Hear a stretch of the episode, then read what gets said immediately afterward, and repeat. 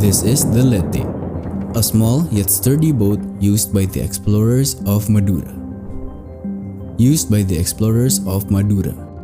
It has a similar function to the Pinisi of Bugis, where the Lete acts as a trading vessel, hauling goods and people.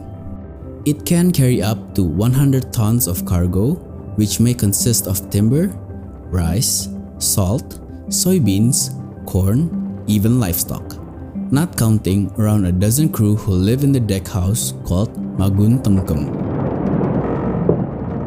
This covered structure is one of the most distinctive features of the Lete, along with the mast to which a triangular sail is tied. At the stern, we can see the monte or losongan used to store the dinghy This type of boat was widely used in the 19th century. It dominated the Java Sea and could be seen in the open seas in the eastern part of Nusantara, even around Singapore and Australia. Plenty of Lete boats were still seen sailing the Java Sea in the 1940s, and even there were around 1,000 Lete still operating in the 80s.